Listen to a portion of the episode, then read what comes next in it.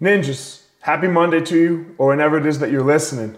Look, man, our kids can just inspire us sometime, and my little guy had had another one over the weekend. He's nine years old. He's playing his basketball game, and uh, a couple minutes into the second half, they're down a couple points, and he goes up for a rebound and collides with another kid with his face, and he goes down. He's crying. I go out there to help him, and man, he's laying on the court and his nose is obviously not okay. Might be broken. Think it is. Not like crooked broken, but right across the bridge of the nose.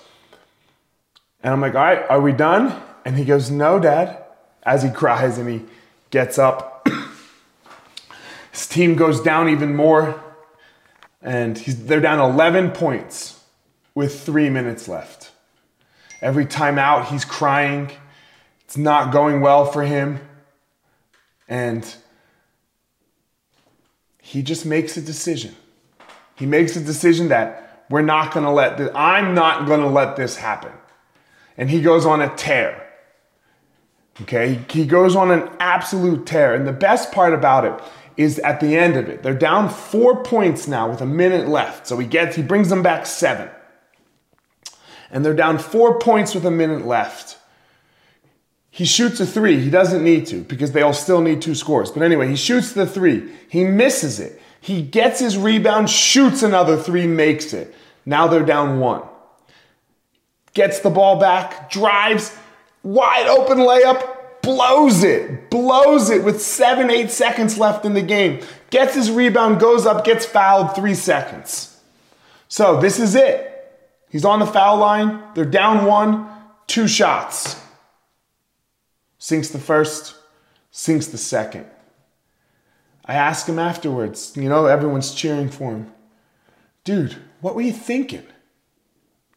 Because I wasn't thinking, Dad. I was just doing. I was just playing basketball. I was like, were you upset that you missed the layup? it was wide open. You wouldn't even have to make those foul shots. He goes, yeah, for a second. I was like, why did you shoot the second three pointer after you just missed the first? He goes, because I was going to make it. Because I was going to make it. Don't think, just do. Save the thinking for later.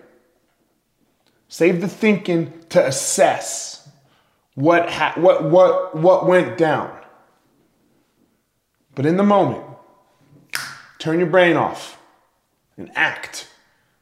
Turn your brain off and make a decision with confidence, knowing that both are, you, you know, failure and success are possible in that moment.